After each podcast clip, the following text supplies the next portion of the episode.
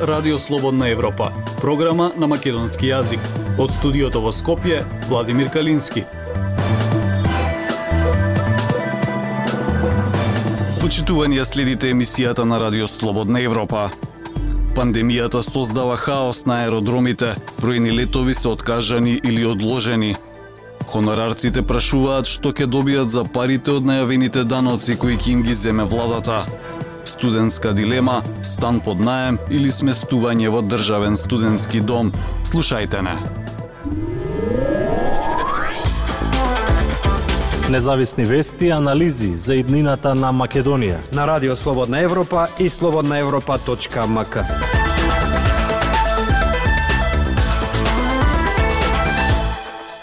Аеродромите се соочуваат со хаос бидејќи авиоиндустријата ги трпи последиците од ковид пандемијата. Бројни летови се откажани или одложени, патниците чекаат со часови, на некои им се загубени куферите. Од ТАФ Македонија велат дека доцнењата и откажувањата периодов делумно се случуваат поради прелевањето од европските аеродроми, известува Ивана Стојкова. Откажани или одложени летови, чекање со часови, гужви и метежи на аеродромите. Голем број патници кои што патуваат со авион во изминатиот период се соочуваат со вакви проблеми. Радио Слободна Европа беше на Скопскиот аеродром каде патниците кои ги анкетиравме велат дека хаосот на аеродромите веќе станува вообичаена појава. Или ги откажуваат, ги пренасочуваат за други денови или доцна Имав чекање 16 сати во Куала Лумпур, Истанбул, Куала Лумпур, Сингапур, многу карти се откажани. Чекаме, нема нема друг начин. Ако сакаш да стигнеш до дестинацијата, мора да чекаш. Почетокот на јули, тој мораше со автобус од Берлин за Меминген да вози 10 цели сати и потоа леташе од Меминген за Охрид. It's never like on point. Никогаш не е на време. Например, другарка ми мораше да чека 4 часа во аеродромот во Берлин. Од ТАФ Македонија велат дека доцнењата и откажувањата на летовите се поради проблемите на европските аеродроми, каде што е концентриран над 70% од македонскиот авиосообраќај. We do not have any delays related to, to Skopje Airport. Прво би сакал да разјаснам дека доцнењата и откажувањата на летовите што се случуваат на меѓународниот аеродром Скопје и воопшто на македонските аеродроми се одлука на авиокомпаниите. Според она што ние го добиваме како информација од нив, доцнењата и откажувањата се случуваат од различни причини, кои некогаш може да бидат и оперативни или пак поради неповолни временски услови. Вели Неджат Курт, заменик генерален директор на ТАФ Македонија. Авиосообраќајот е секторот кој најсилно беше и се уште погоден од ковид пандемијата. Европските аеродроми за време на пандемијата беа приморани да отпуштат голем број работници, а сега кога авиосообраќајот се враќа во нормал и се соочува со наплив на патници, нема од каде да се регрутира нов кадар. Од ТАФ Македонија тврдат дека тие немаат недостиг од персонал, но последиците од пандемијата излегуваат на површина сега. Па така македонските аеродроми моментално се на минус 18 од 100 од патничкиот сообраќај што го имале во 2019 година. Според статистиките од почетокот на годинава до јули, на двата аеродроми во земјава се реализирани над 10.000 летови, а биле обслужени 1,3 милиони патници. Планот е до 2023-та авионскиот сообраќај да се врати на нивото пред ковид пандемијата. Затворање на аеродромите имаше на секаде во светот, а ковидот наметна и нови барања и рестрикции за патување со авион. Ниту еден друг вид на транспорт не беше толку оптоварен со нови правила забрани и барања за разни документи како што беше воздухопловниот транспорт на патници. За време на пандемијата, авиокомпаниите забележаа рекорден пат и на приходите и на бројот на патници. Според проценките на Меѓународната асоциација за авиотранспорт, загубите за авиокомпаниите поради корона кризата ќе бидат највисоки во историјата на авиацијата. И покрај постепеното воспоставување на авионските линии, очекувањата на асоциацијата се дека ќе бидат потребни неколку години за состојбите во авиосообраќајот да дојдат на нивото пред пандемијата со ковид. Наши економски проблеми Ние разговараме за решенија на Радио Слободна Европа. Со најавената даночна реформа можно е да бидат воведени придонеси за хонорарците. Слична мерка беше најавена и пред 7 години, а хонорарците прашуваат зошто сега оваа мерка би била добра ако тоа не било така во 2015 година. Министерот за финансии Бесими изјави дека се уште има нејасноти и затоа не излегле со конкретен предлог. Срѓан Стојанчов Жестоки критики од хонорарците по најавените даночни измени со кои ќе треба да плаќаат и придонеси за пензиско и здравствено осигурување. Велат дека владата сака да го полни буџетот со пари од оние кои едва и врзуваат крај со крај. Други подсетуваат дека и владата на Никола Груевски во 2015-тата се обида да воведе слично решение, но по протестите се откажа. Прашуваат зошто, ако тогаш не било добро, сега би било. Трети посочуваат на бројни нејасноти и прашуваат што ќе добијат тие од државата за парите што ќе им ги земе. Издавачот Никола Гелевски вели дека плаќањето на илјадници чиновници кои не работат ништо паѓаат на грбот на оние кои едва и врзуваат крај со крај. А, клучно е државната каса да се полни со даноци од најбогатите луѓе. Значи, тој товар не треба да паѓа врз слабите, врз сиромашните, врз тие кои едва и она врзуваат крај со крај, а голем дел од хонорарците се такси.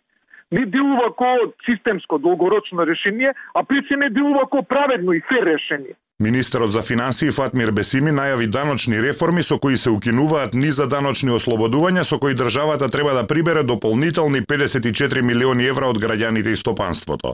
Меѓу предложените мерки се и плаќањето данок од 10% на каматите од штедните влогови, како и плаќањето придонеси за пензиско и здравствено осигурување за ангажираните со договор на дело и за хонорарците.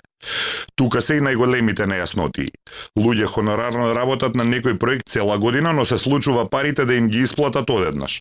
Прашуваат дали ако од проектот заработиле 5000 евра и со тие пари живеат цела година, ќе им се впише 12 месеци стаж или ќе им се смета како една голема плата од 5000 евра за која ќе добијат еден месец пензиско и здравствено. Музичарот Петар Младеновски веле дека има многу нејасноти на кој начин би се плаќале придонесите за хонорарците и што ќе добијат тие за возврат. Тој подсетува дека сличен обид имаше и поранешната власт во 2015 година.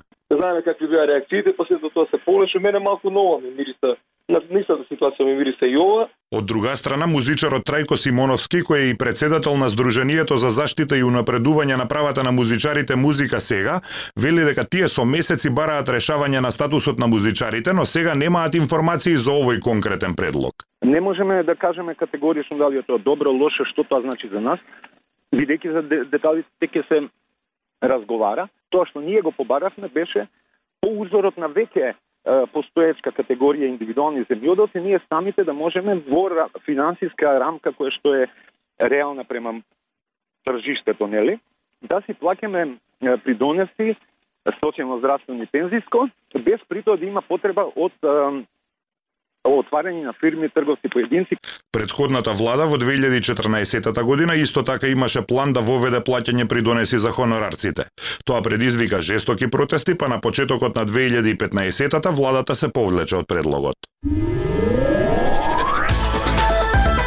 Радио Слободна Европа, светот на Македонија. Студентскиот дом Кузман Јосифовски Питу оваа година ќе остане празен поради реновирање. Некои од студентите со кои разговараше Радио Слободна Европа велат дека оваа година ќе бараат станови под наем.